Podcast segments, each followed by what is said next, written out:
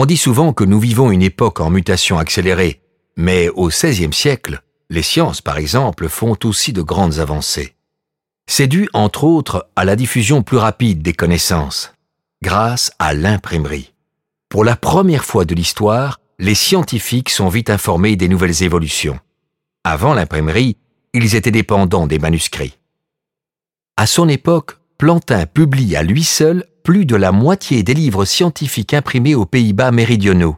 Cela découle entre autres du fait qu'Anvers est le centre économique et intellectuel du moment. Les disciplines dont il édite le plus d'ouvrages La géographie, la médecine et la physique.